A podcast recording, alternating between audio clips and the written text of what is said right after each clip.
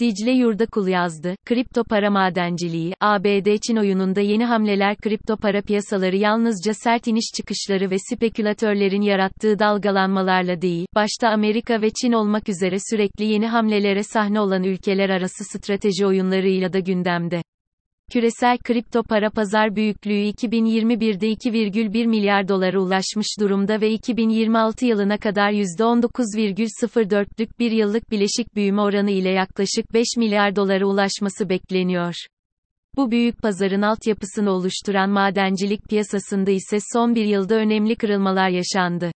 Öncelikle kısaca kripto para madenciliğinden bahsedelim. Kripto paraları üreten ve madenci olarak tanımlanan birimler, blok zincir ağı içinde dağıtılan işlem bilgilerinin doğrulanması ve blok zincirinde saklanması görevlerini yürütürler. Tıpkı bir merkez bankasının para basması gibi, kripto paralar içinde para arzı, madencilik yoluyla gerçekleştirilir. Madenciler yeni işlemleri onaylar ve bunları küresel bir defter olarak düşünebileceğimiz blok zincire kaydederler. Bunun sonucunda doğrulanan her işlem için belirli bir ücret alırlar. İlk kripto para olan Bitcoin'in ortaya çıktığı yıllarda 2009 madencilik faaliyetleri yüksek işlemci gücüne ve internet bağlantısına sahip herhangi bir bilgisayar tarafından yapılabiliyordu. Bu sayede sistemin temellerini oluşturan dağıtıklık ilkesi gereği dünyanın farklı bölgelerinden binlerce kişi zincire veri kaydetme işlemini gerçekleştiriyor ve Bitcoin madenciliği yapabiliyordu. Ancak Bitcoin ve genel olarak kripto paraları olan talep arttıkça ve sistem daha karmaşık bir hale geldikçe, madencilik güçlü bir bilgisayarla, bireyler tarafından yapılan bir işlem olmaktan çıktı ve dev bir endüstriye dönüştü. Blok zincir teknolojisinin ilerlemesiyle birlikte madencilik, kripto para üretiminde çok yüksek miktarlarda harcanan enerjinin ucuz olduğu bölgelerde, dev sunucu çiftliklerinde uzmanlaşmış makinelerle gerçekleştirilen bir işlem halini aldı. Havuz şirketlerinin güçlenerek büyümeleri ve üretim hacminin büyük çoğunluğunu elde etmeleri ise blok zincirin temel savı olan merkeziyetsizlik yapısını bozarak, kümeleşme ve merkezileşmeye neden oldu. Şirketlerin neden olduğu merkezileşme, aynı zamanda dünyanın belirli bölgelerinde yoğunlaşarak ikinci bir merkezileşme katmanı daha doğurdu. Madencilik faaliyetlerinin karlılığının enerji maliyetlerine doğrudan bağlı olması nedeniyle kümelenme, enerji fiyatlarının düşük olduğu ülkelerde gerçekleşti. Bu konuda başı çeken ülke ise Çin'di. Çin'de elektrik diğer birçok ülkeye kıyasla son derece ucuz. Sanayi bölgelerindeki elektrik ise ya hidroelektrik tesisleri tarafından sağlanıyor ya da devlet tarafından sübvanse ediliyor. Kripto para madenciliği içinde genellikle üretim fazlası ya da artık elektrik kullanılıyordu.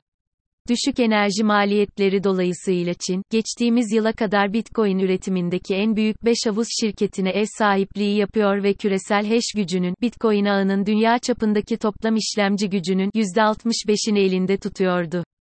Çin'i %7,2 ile ABD, %6,9 ile Rusya ve %6,1 ile Kazakistan takip ediyordu. Ancak Çin, 2020 yılında başlayan ve 2021 yılında en sert halini alan kripto para yasakları ile bu piyasaya dair madencilik dahil olmak üzere her türlü işlemi yasakladı. Geçtiğimiz Eylül ayında Çin'in Merkez Bankası, tüm kripto para ve token işlemlerinin yasa dışı olduğunu ve bu işlemleri yasakladığını duyurmuştu. Bu açıklamanın ardından kripto para piyasalarında sert bir düşüş yaşandı. Çin aslında 2019 yılından bu yana kripto para ticaretini yasaklamış durumda, ancak yatırımcılar yabancı borsalar aracılığıyla işlemlerine hala devam edebiliyorlardı. Haziran ayında ise, bankalara ve ödeme platformlarına bu işlemleri de kolaylaştırmamalarına dair sert uyarılar yapıldı.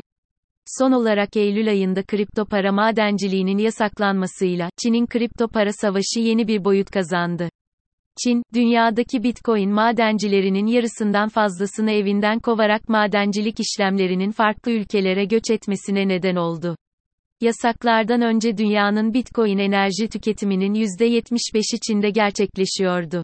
Bu Çin'in madencilik dahil olmak üzere tüm kripto para işlemlerini yasaklamasının ardında yatan birkaç neden var. İlk neden, ülkenin içinde bulunduğu enerji krizi ve 2050 yılına kadar karbon nötr olma yönünde atmaya başladığı adımlar.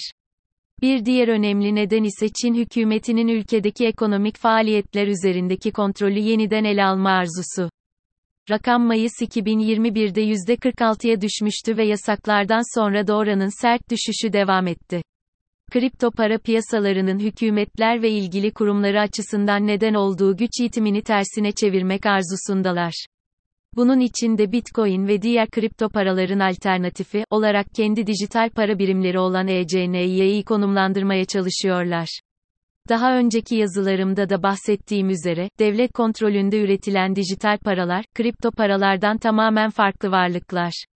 Blok zincir sistemleri üzerinde üretilmedikleri gibi, devlet kontrolünde ve Merkez Bankası tarafından üretiliyor. Geleneksel paralardan tek farkları darphanede basılmayıp, dijital olarak üretilmeleri. Dolayısıyla hem kavramsal olarak, hem de uygulamada kripto paralara bir alternatif olabilmeleri mümkün değil. Bu açıdan Çin'in yasaklama hamleleri fiyat paraların ve kripto paraların geleceği açısından akıllarda başka soru işaretleri uyandırıyor. Tüm bu gelişmelerin ardından Çin'den kovulan madencilik şirketleri de kendilerine yeni bir ev arayışındalar. Cambridge Alternatif Finans Merkezi CCAF tarafından yayınlanan rapora göre bu şirketlerin yeni ev sahiplerinin ağırlıklı olarak Kuzey Amerika, Kazakistan, Rusya ve Kanada olması bekleniyor. Çin'in uygulamaya koyduğu yasaklardan sonra ABD'nin 4 ay önce %16,8 olan küresel hash gücü oranı, Bitcoin ağının işlemci gücü oranı, şu anda %35,4'e ulaştı. Bu, kripto para üretiminin önemli bir kısmının ABD'ye kaydığını gösteriyor. Kanada'nın da %10'luk bir küresel hash oranını yakalamasının ardından Kuzey Amerika dünyanın yeni Bitcoin madenciliği süper gücü haline gelmiş durumda.